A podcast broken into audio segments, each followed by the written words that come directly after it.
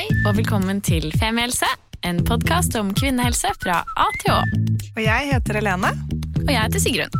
og vi har startet denne podkasten fordi vi mener at det bør snakkes mye mer om kvinnehelse. Så la oss snakke. Hei, hei. Hei. Vet du hva jeg investerte i dag? Mm, ja, jeg vet det, men jeg skulle la det være en overraskelse for lytterne våre. En pakke håndlaget krokan. Mm, altså, vet du hva? Det er, eh, det er ikke så ofte lenger Jeg har blitt ganske god på å ikke kjøpe ting. Eh, eller spontant kjøpe ting. Men dette var helt sånn, vet du hva?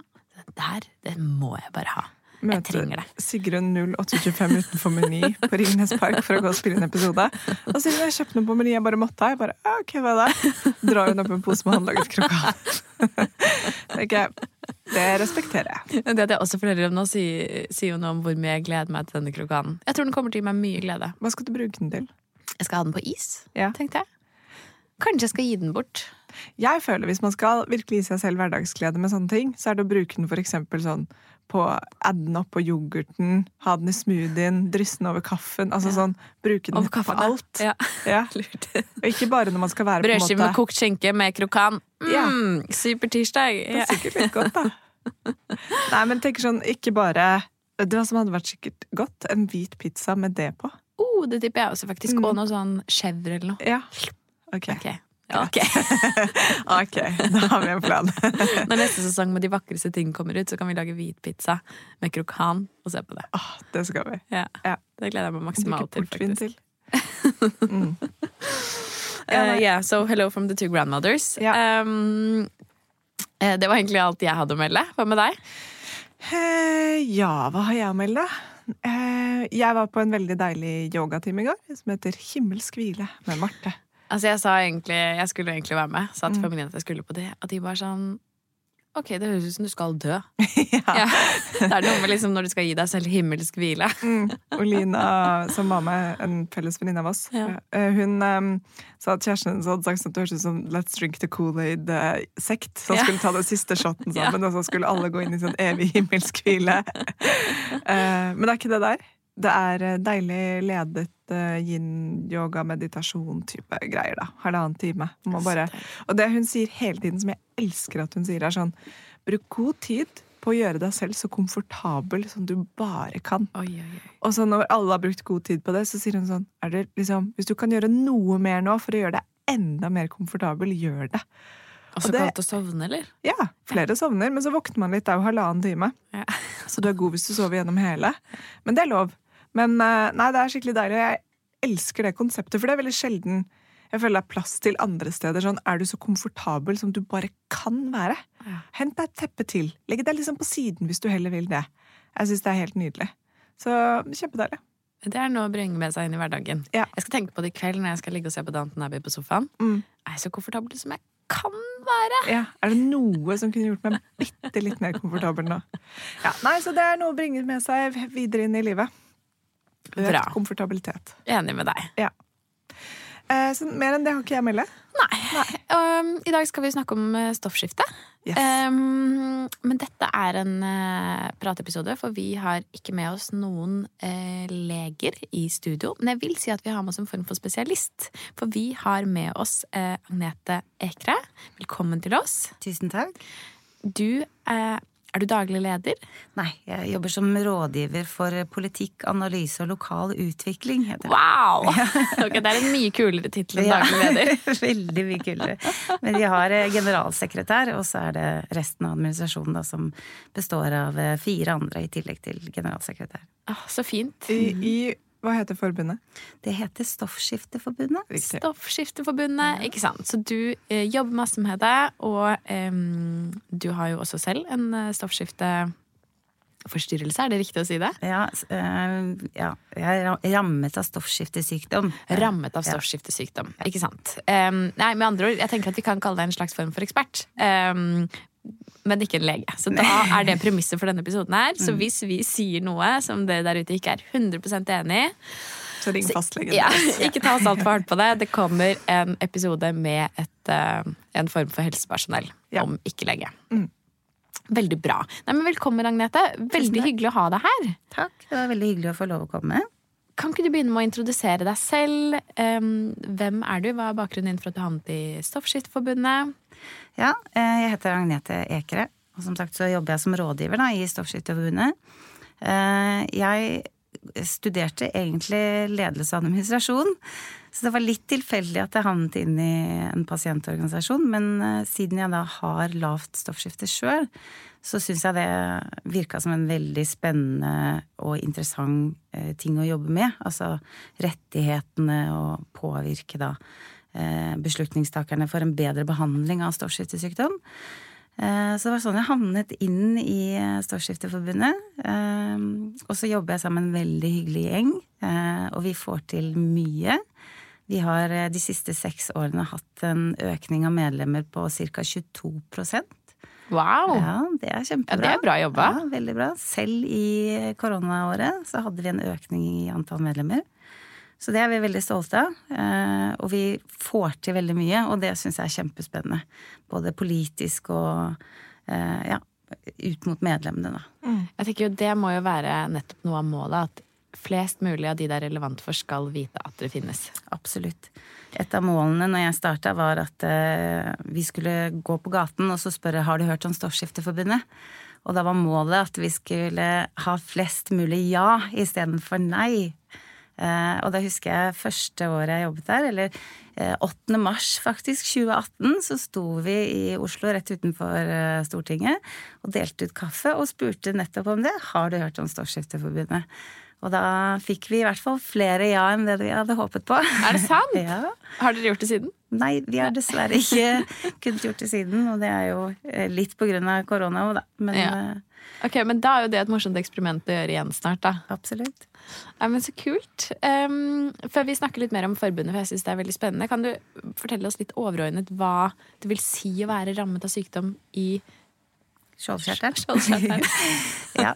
Fordi det er lov å si noe, for altså skjoldbrukskjertelen Skjoldbruskkjertelen? Skjoldbruskkjertelen heter det. Så det er ikke rart at de nå Nei. har åpnet opp for at man kan si skjoldkjertel. Og vi kan på en måte ikke kalle det for SS heller, kan vi det? Nei. SK. SK. Ja. ja. Ja, altså Det som er med stoffskiftesykdom, er at man kan ha enten høyt stoffskifte eller lavt stoffskifte. Man kan også ha manglende kjertel, enten fordi man er født uten, eller fordi at man har operert den bort. Um, uh, og så er det sånn at hvis du har høyt stoffskifte, så uh, jobber kroppen din på høygir. Altså alle cellene i hele kroppen din uh, jobber konstant hele tiden, sånn at veldig mange kan opp oppleve hjertebank, eh, svettetokter, eh, sånne type mm, symptomer. Og når man har lavt stoffskifte, så er det helt motsatt. Da jobber kroppen din på lavbluss hele tiden. Alle cellene dine jobber da langsomt, sånn at du kan fryse lettere, eh, ha veldig lav puls. Sånne type ting, da. Og mange kan også oppleve vektøkning. Og det mest vanlige symptomet er jo da eh, trøtthet og slapphet. Og også at man har en form, for kognitiv svikt. Da. Altså at man eh, tenker langsommere ikke føler at man har hjernen med seg. Ofte så kaller vi det for hjernetåke. Hjernetåke. Så slitsomt. Men hva er Ja, for stoffskifte er på hva Kan du si noe om hva det er? Det er eh, alle cellene i kroppen din som jobber ja. Eh, vi har I halsen så har vi en eh, kjertel som da er den skjoldbruskkjertelen. Mm. den ser ut som en sommerfugl. Oi. Og den produserer da eh, et hormon som heter tyroksin. Og det er det hormonet da som påvirker alle cellene i kroppen din. Så hvis man da produserer for lite, som er da lavt stoffskifte, så får jo ikke kroppen din nok drivstoff, da, på en mm. måte. Eh, eller hvis du da produserer for mye, som er da høyt stoffskifte, så jobber jo da kroppen hele tiden på høygir. Mm. Ikke sant. Heftig. Men um, dette er noe det går an å gjøre noe med? Absolutt. Ja. Hvordan får man um, Kan du si noe om når er det vanlig å finne ut at man har en av disse to variantene? Ja, um, når det gjelder barn, uh, nå er det ikke så veldig mange barn i Norge som har stoffskiftesykdom, men det er ca. 15 barn i året som blir født enten uten skjoldkjertel eller med en defekt skjoldkjertel. Uh, og jeg vet ikke om noen av dere har barn, men hvis dere har det, så har dere sikkert opplevd at barnet får et sånn stikk i hælen eh, innen de første 48 timene etter at de er født. Eh, og den prøven kaller det sånn følgingsprøve. Og den screener for 24 alvorlige sykdommer. Mm. og da er stoffskiftesykdom én av de sykdommene. Oh, ja. Eh, sånn at eh, det som er det største problemet hvis barn får det, er jo da den kognitive utviklingen. ikke sant? At eh, barnet da ikke vokser eh, i riktig tempo, og at den ikke klarer da den kognitive utviklingen. Så det kan være at man er født med det. Men da finner man ut av det med en gang. Da finner man det ut det er med en jo kjempefint. kjempefint. Og så kan man også få det ved store eh, påkjenninger, sånn som eksempel fødsel. Eh, eller eh, ulykke, for den saks skyld. Jeg har også hørt om noen som har fått det etter en ulykke. Man, og så er det jo sånn at stoffskiftet endrer seg jo hvert syvende år cirka. Sånn at det, i puberteten så er det også mulig å få det fordi at liksom kroppen er i endring, og det er liksom en hormonell ubalanse der, da. Eh, og fødsel er jo en hormonell ubalanse. eh, Og overgangsalder. Så det er veldig mange som får det eh, når de begynner i overgangsalderen og begynner å bli eldre. Og det er det vanligste. Det er det vanligste. Ikke sant. Men når man da finner ut at man har det, ehm, så kan man medisineres. Det kan man. Ja. Da, for høyt stoffskifte så er det da to behandlingsformer. Det er jo enten radioaktivt jod eller stråling, da. Det man ønsker da, er jo å drepe produksjonen av Eller hemme, da, produksjonen av tyroksin i kjertelen. Noen må jo operere den bort. Eh, og da får man jo per definisjon lavt stoffskifte etterpå. fordi at eh, når man da dreper produksjonen av tyroksin, så må man jo også ha det da tilført i etterkant syntetisk.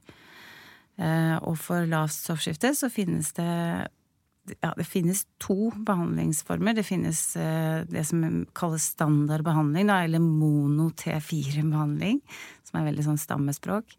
Men da er det eh, syntetisk eh, T4, som er da Levaksin, som er den vi er mest kjent med. Eh, og så finnes det også en medisin til som er på blå resept, som heter Autorox, som også er en mono-T4-behandling. Og så finnes det en tilleggsmedisin som heter da liotyronin, som er da en mono-T3-behandling. Eh, fordi at eh, når man måler stoffskiftet sitt, så måler man eh, TSH, fritt T4 og fritt T3. Det er veldig sånn stammespråk, da. Men det er jo det, man, det, er jo det tyroksinet da, som man må ha tilført kroppen sin for at kroppen skal produsere. Det er drivstoffet, på en måte? Ja, ja, Ja. helt riktig. Jeg har jo- Komplekst. Ja, veldig komplekst. Og så vet jeg jo om noen kjenner noen som også har, har det i familien. Um, men som selv slår liksom veldig Sånn ligger veldig på vippepunktet. Mm. Men som kjenner på mye av de symptomene som du beskriver. Lavt eh, stoffskifte, så mye kald, veldig mye sliten, trøtt. Men så også vet at deres, mange andre kvinner da, i familien har det, men som ikke liksom slår ut på det. Mm. Um, er det mange som ligger i den der vippelandet, tror du? Ja, det tror jeg absolutt. Det er nok også mange mørketall. Fordi vi vet at det er 240 000 som har stoffskiftesykdom, og det vet vi fordi vi kan se det på reseptregisteret. Så vil si at det er 240 000 som henter ut stoffskiftemedisiner. Men eh, det betyr jo ikke at det er alle som har det. Eh, det kan jo også være mørketall. Eh, og det som er eh, med blodprøveverdiene, er at når man da har disse referanseverdiene som man får på Fyrst og laboratoriene, så sier Altså, referanseverdier er for friske mennesker. Eh, og når man da eh, ser på eh, endokrinologisk veileder, da, som er den som eh, definerer når man får en diagnose, eh, så er blodprøveverdiene samsvarer jo ikke med det som heter referanseverdier. Betyr det at de kan ligge liksom i øvre eller nedre sjikt av en skala? Ja, altså Hvis man kan tenke seg at skalaen går fra null til tre for friske mennesker, mm. så starter ikke eh, skalaen for diagnosen før på ti. Så mellom tre og ti så er man jo utenfor det som heter referanseområdet, men man har ikke fått diagnosen lavt stoffskifte, f.eks. Okay. Sånn at eh, i det sjiktet så har man noe som da heter subklinisk hypotriose, som er da latent stoffskiftesykdom, da. Eh, og da er det sånn at eh, mange lever helt fint innenfor der, at man er utenfor referanseområdet, eh, men er allikevel Men ikke trenger behandling. Helt riktig. Eh, men så er det noen som da har symptomer allikevel, som da opplever at det, ja, men jeg er jo ikke eh, har det ikke bra. Og så sier legen at jo, men blodprøvene dine er fine. Og det er jo fordi at man er jo ikke der at man ligger i sykdomsskalaen, da, ikke sant. Man er bare i det latente området som er da mellom det som er normalt, og det som er unormalt, da, hvis man kan kalle det det. Mm, skjønner. Og kan man da allikevel få lov til å teste medisiner? Eh, ja. Det som er litt fint, hvis man eh, er usikker på det, så er det noe som heter endokrinologisk veileder, som jeg nevnte i stad. Den kan man søke opp på Google, for den ligger fritt ute. Og der står det eh, Det er jo den veilederen som fastlegene bruker for å behandle pasientene. Så den kan man også søke seg opp og lese selv, og man kan ta den med til legen sin. Og der står det ganske klart at de som da eventuelt har uttalte symptomer da, på lavt stoffskifte, men eh, som er ikke oppe i skalaen på ti, da, de kan få lov å prøve medisiner. Det er jo ikke nødvendigvis sånn at eh, de blir bedre, da, men noen blir også bedre av det. Altså, mm. man kan også ha en betennelse i skjoldskjertelen som går over av seg selv. Mm. Altså, men da er det i hvert fall sånn at pasienten kan google endokrinologisk veileder og finne der hvilken eh, regelverk da, som legene forholder seg til ved behandling av stoffskifte. Mm, ikke sant. Og når vi er da inne på denne behandlingen, så snakket vi litt, eh, litt, om det med medisiner i sted, før vi gikk inn i studio, at det er en ganske begrenset mulighet for eh, hva slags medisiner man kan få mm. i Norge mm. som behandling? Ja. Eh, det som er, er at eh, i Norge så har vi kun syntetisk T4 på blå resept, dvs. Si da de to medisinene som jeg nevnte i stad, Levaksin og Liotyronin. Eh, og så har vi én tilleggsmedisin som heter Liotyronin. Eh, og så er det jo litt sånn at For det er jo samme virkestoff. Levaksin, Liotyronin og eh, Autorox. Autorox, ja. Ok, ja, greit. Eh, det som er at eh, Levaksin og Autorox de har jo samme virkemiddel. Det er jo syntetisk T4. Eh, og det å tro at 240 000 mennesker fungerer optimalt på akkurat den samme medisinen, det er ganske naivt. Til sammenligning så har jo de med diabetes de har jo 21 forskjellige medisiner de kan prøve ut for å finne rett behandling. Mens vi med stoffskiftesykdom, vi har da per definisjon én, men fra to forskjellige produsenter. Og de er færre også totalt, er det ikke det? Som lever med diabetes? Ja, altså det er cirka likt, da. Ja. Eh, vi sier sånn ca. 240 000 stoffskiftesyke og ca. 200 000 med ja. diabetes, da, så omtrent mm. likt. Mm. Hva er årsaken til det, tror du? Ja, det er et godt spørsmål. Vi har jo fått mange tilbakemeldinger på frustrerte pasienter som spør om akkurat det samme. Og det som vi opplever da, så er det sånn at man forsket på dette på 70-tallet, og så fant man For før, før 70-tallet så brukte man eh, ekstrakt fra grisekjertel. Altså man hentet ut ja, eh, Naturlig. Ja. Mm. Eh, og så på 70-tallet så fant man ut at eh, det var mulig å lage det syntetisk. Eh, og forskjellen på da naturlig preparat og syntetisk var jo at man kunne isolere T4. For når man hentet ut ekstraktet, så fikk man både T4 og T3. Og så opplevde man at det var vanskelig å dosere da den 3 eh, behandlingen. Så når man på 70-tallet da fant ut at man kunne isolere T4 til en syntetisk medisin, eh, så sluttet man delvis å forske på det, fordi at man hadde liksom funnet fasiten. Eh, og så har man bare fortsatt der, da, at eh, det eneste du trenger, er eh, å justere dosen din, da, rett og slett.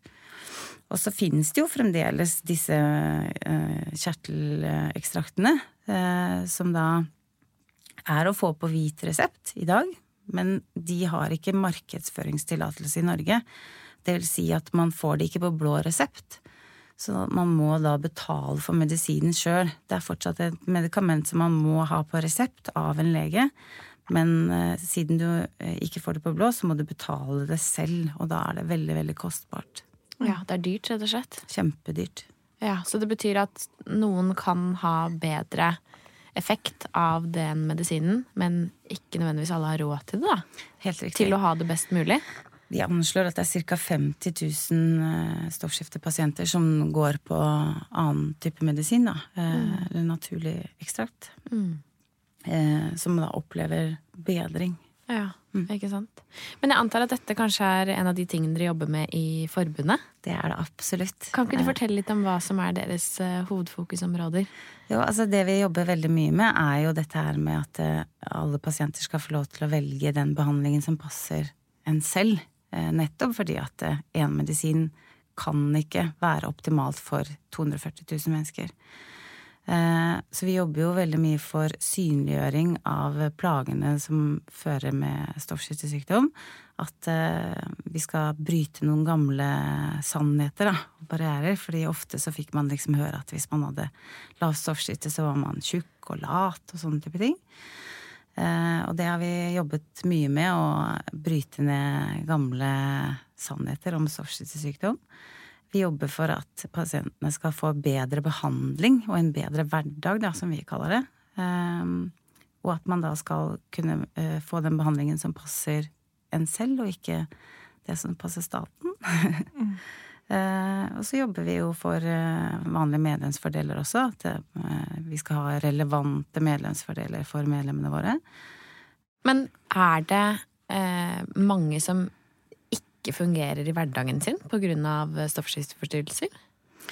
Eh, Det er det absolutt. Altså, stoffskiftesykdom er øh, dødelig. Det er altså, det er jo ikke sånn at man nødvendigvis dør av det i morgen. Eh, men ubehandlet stoffskiftesykdom kan potensielt føre til død. Um, men så lenge man får behandla stoffskiftet sitt, så er det ikke noe fare for at man dør av det. Men det handler jo om at kroppen eh, ikke fungerer, ikke sant? At alle, alle kroppens celler eh, forsvinner jo hen.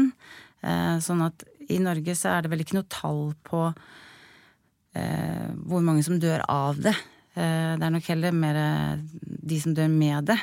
Men det er jo potensielt dødelig hvis man går ubehandla, vel å merke. Ja, for jeg tenkte litt på det du nevnte om dette stigmaet rundt spesielt lav stoffskifte. da, ikke sant? At, eh, ja, dette med at folk tenker at du er tykk og lat, i stedet for at du faktisk er syk. Um, så må det jo være veldig viktig å eh, nettopp informere om sykdommen. Og jeg tenker de som da spesielt ikke eksempel fungerer i en fulltidsstilling, eller ikke i arbeid i det hele tatt.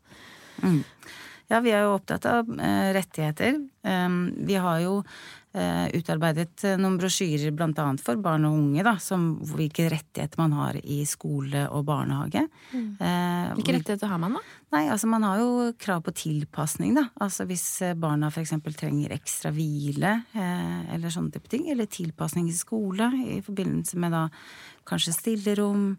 Eh, sånne type Bedre ting. tid på prøver, fraværsdager. Absolutt. Mm. Eh, og så er det jo, sant, man har jo en utfordring i forhold til at barna kanskje er oftere borte. Én fordi at de er dårlige, men også fordi at de er på flere kontroller. Og med de fraværsreglene som er nå, så er jo, skal det ikke så mye til da, før man får en telefon fra skolen om at eh, det er bekymringsfullt fravær på barnet ditt, f.eks. Eh, men da har man noen rettigheter i forhold til det at man kan søke om ekstra eh, tilpasning for barnet, da. Og at man, ikke, at man slipper å få noen bekymringstelefoner fordi barnet er ofte borte.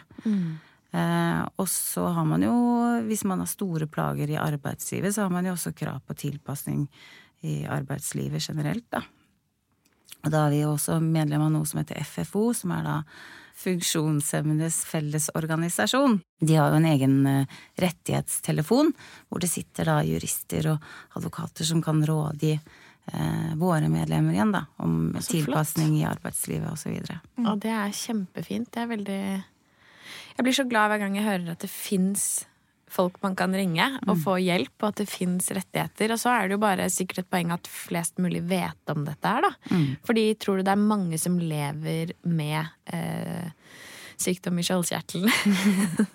som um, Jeg skulle ønske vi kunne ha sånn poengsystem hver gang man sa vanskelige Ja. ting riktig. Det hadde vært veldig deilig. Du gjør det veldig bra nå. Ja. Magnus sitter der ute og tar poeng. Og teller. Ja. Sånn at jeg leder. Ja. Nei, men um, tror du det er mange nettopp som uh, har problemer med dette her, og som ikke både får den hjelpen de trenger, men også ikke vet hvilke rettigheter og muligheter som finnes? Jeg tror absolutt det er veldig mange som ikke vet hvilke rettigheter de har, og så tror jeg det også er mange som eh, kanskje ikke eh, Altså sliter med det å ordlegge seg overfor eh, fastlegene og de som eventuelt skal hjelpe, da. Eh, fordi at man sliter med å finne ordene, eksempel. Rett og slett fordi at man symptommessig sliter eh, med hjernetåke. Eh, og da er det vanskelig kanskje å sette ord på hvordan man egentlig har det, og Kanskje man ikke helt vet hva man trenger av bistand. Da. Hvordan skal jeg klare å gå på jobb 50% for eksempel? Eller hvorfor klarer jeg ikke å jobbe 100 Hva- Hvordan kan jeg tilpasse det sånn at jeg klarer å gå på jobb i det hele tatt? Eh, Så eh, det er jo en av grunnene til at vi har også noe som heter likepersoner. Ja. Mm, eh, og det er da andre pasienter som har et bearbeidet forhold til sin egen sykdom, da, som kan gi deg noen tips og råd om hvordan du f.eks. skal snakke med legen din, hvordan du skal snakke med Nav hvis du er innenfor Nav-systemet, og sånne type ting, da, og hvordan du lettere kan håndtere din egen sykdomshverdag. Altså, likepersoner er så smart. Ja, det er, virkelig. jeg har hørt om i flere andre organisasjoner også. Det er eh, helt, eh, helt strålende. Ja, nå har jeg sittet og tenkt på et spørsmål mens du har eh, snakket. Og så har du glemt det? Ja. Ja, ok. Men jeg tenker litt på demografien av de som er syke. Er det, er det, mest, eh, er det jevnt fordelt mellom kjønnene? Nei, det er eh, en stor overvekt av kvinner. Eh, Nå husker jeg ikke de eksakte tallene i hodet, men jeg lurer på om det kan være ca. 7% som er menn. Ja. Det er nesten ingen. Nei. Men um, jeg kom på det. Hvordan opplever du at kompetansen blant fastlegene er på dette? Er den god nok? Eh, varierende, vil jeg si. Ja. eh, mange er jo gode på det, eh, som tar seg tid. Og jeg tror at egentlig at hovedutfordringen er vel kommunikasjon mellom eh, fastlege og pasient. Eh, vi vet jo at fastlegeordningen er jo de har jo et tidspress, eh, og det å da skulle høre på masse diffuse symptomer i løpet av et kvarter og ja, finne fasiten på hvordan man skal løse det, det forstår også jeg at kan være vanskelig og problematisk. Eh, sånn at vi ser behov for en eh, bredere utvikling av disse veilederne, da. Og at man trenger mer forskning på stoffskiftesykdom, det er jeg også veldig opptatt av. Og det er ikke noe i veien for at fastlegene skal eh, håndtere stoffskiftepasienter, men de trenger kanskje litt mer kompetanse på det, da. Og så er det jo selvfølgelig mange som har masse kompetanse på det, som er kjempeflinke. Eh, men jeg tror hovedutfordringen ligger i kommunikasjonen mellom pasient og, og lege, da. Ja, for det er nettopp noe med disse symptomene som er veldig Altså, de er jo diffuse. ikke sant? Jeg er kald, jeg er sliten, trøtt, vanskelig å følge med på ting. Ikke sant? Da er det jo, kan det jo være veldig mye. Absolutt. Um, mm. Og så er det veldig mange som har sammenfattende symptomer også. ikke sant? At mange av de symptomene på lavt stoffskifte kan jo også være symptomer på jernmangel Ja. eller D-vitaminmangel. Ting man kanskje tester først. Ikke sant? Hvilke håp har du for eh, de som lever med sykdommer i skjoldkjertelen? Hva er det Eh, dere skal liksom fokusere ekstra på fremover? Ja. jeg har jo et håp om at de som kommer etter meg, skal få en bedre hverdag. Eh, jeg har jo selv en datter som også har lavt stoffskifte. Og jeg fungerer jo utmerket på stoffskiftemedisin, og jeg har eh, en god dialog med min fastlege.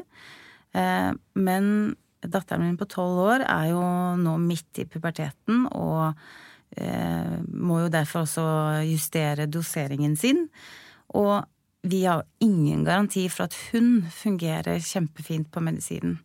Eh, og jeg har jo et håp og et ønske om at når hun blir så eh, stor, da, at hun opplever symptomene sine selv, at hun også kan få lov til å velge den behandlingen som passer henne best, uavhengig om det er da eh, en naturlig ekstrakt fra grisekjertel, eller om det er en syntetisk medisin laget i laboratoriet. Mm. Det er et fint mål. Mm. Det får vi håpe på. Mm. Tror du det er langt unna? Ja, det er vanskelig å svare på. Det skjønner Vi har i hvert fall kommet et godt stykke på vei, for en av tingene er jo det om å synliggjøre dette med stoffskiftesykdom i mediene. Og i 2020 og 2021 så har vi hatt eksepsjonelt mye mediedekning på stoffskifte. Og så kan man jo tenke seg at ja, men har det noe betydning? Ja, det er en kjempebetydning, for det viser at vi er aktuelle. eh, Og det viser at det er en kjempestor pasientgruppe, og det viser at vi er nødt til å gjøre noe med det. Og Det fører til økt forskning, og det fører til økt fokus fra beslutningstakerne. Ja, det er kjempeviktig, og det ser vi også. At eh, hvis man ser på kvinnehelse helhetlig, så har det skjedd ekstremt mye eh, de siste årene, eller bare også de tre, tre og et halvt årene vi har holdt på nå. Nettopp fordi at det har vært en så stor del av debatten, og ikke minst fordi så mange enkeltpersoner har vært uh, gått ut både i media og på sine egne sosiale medier og fortalt om hvordan det er å leve med dette. Så det, det har på en måte dessverre eh, ekstremt mye å si. Eh, Men hvis det er noen der ute som eh, selv sliter med dette, eller er nær noen som gjør det, hvordan kan man bli medlem av Stoffskiftforbundet? Da kan man gå inn på stoffskifte.org. eh, Og der står det en stor knapp hvor det står 'bli medlem'.